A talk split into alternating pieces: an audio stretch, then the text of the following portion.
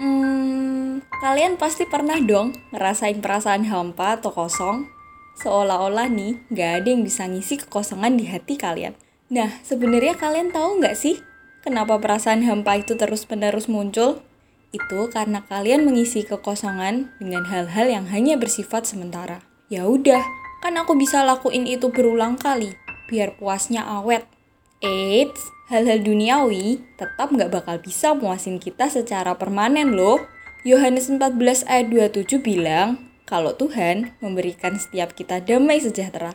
Dan apa yang Tuhan kasih ke kita nggak sama kayak yang dunia kasih. Ibaratnya gini deh, kalau lagi hujan, ada yang nawarin kalian payung sama kertas.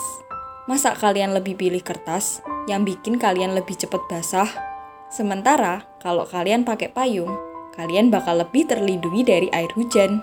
Sama aja nih, ketika Tuhan ngasih ke kita damai sejahtera dan kasih sayang yang gak ada batasnya, kenapa kita harus memilih hal-hal duniawi yang sifatnya cuma sementara?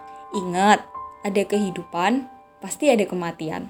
Yang artinya dunia ini gak abadi. Yang abadi cuma Tuhan.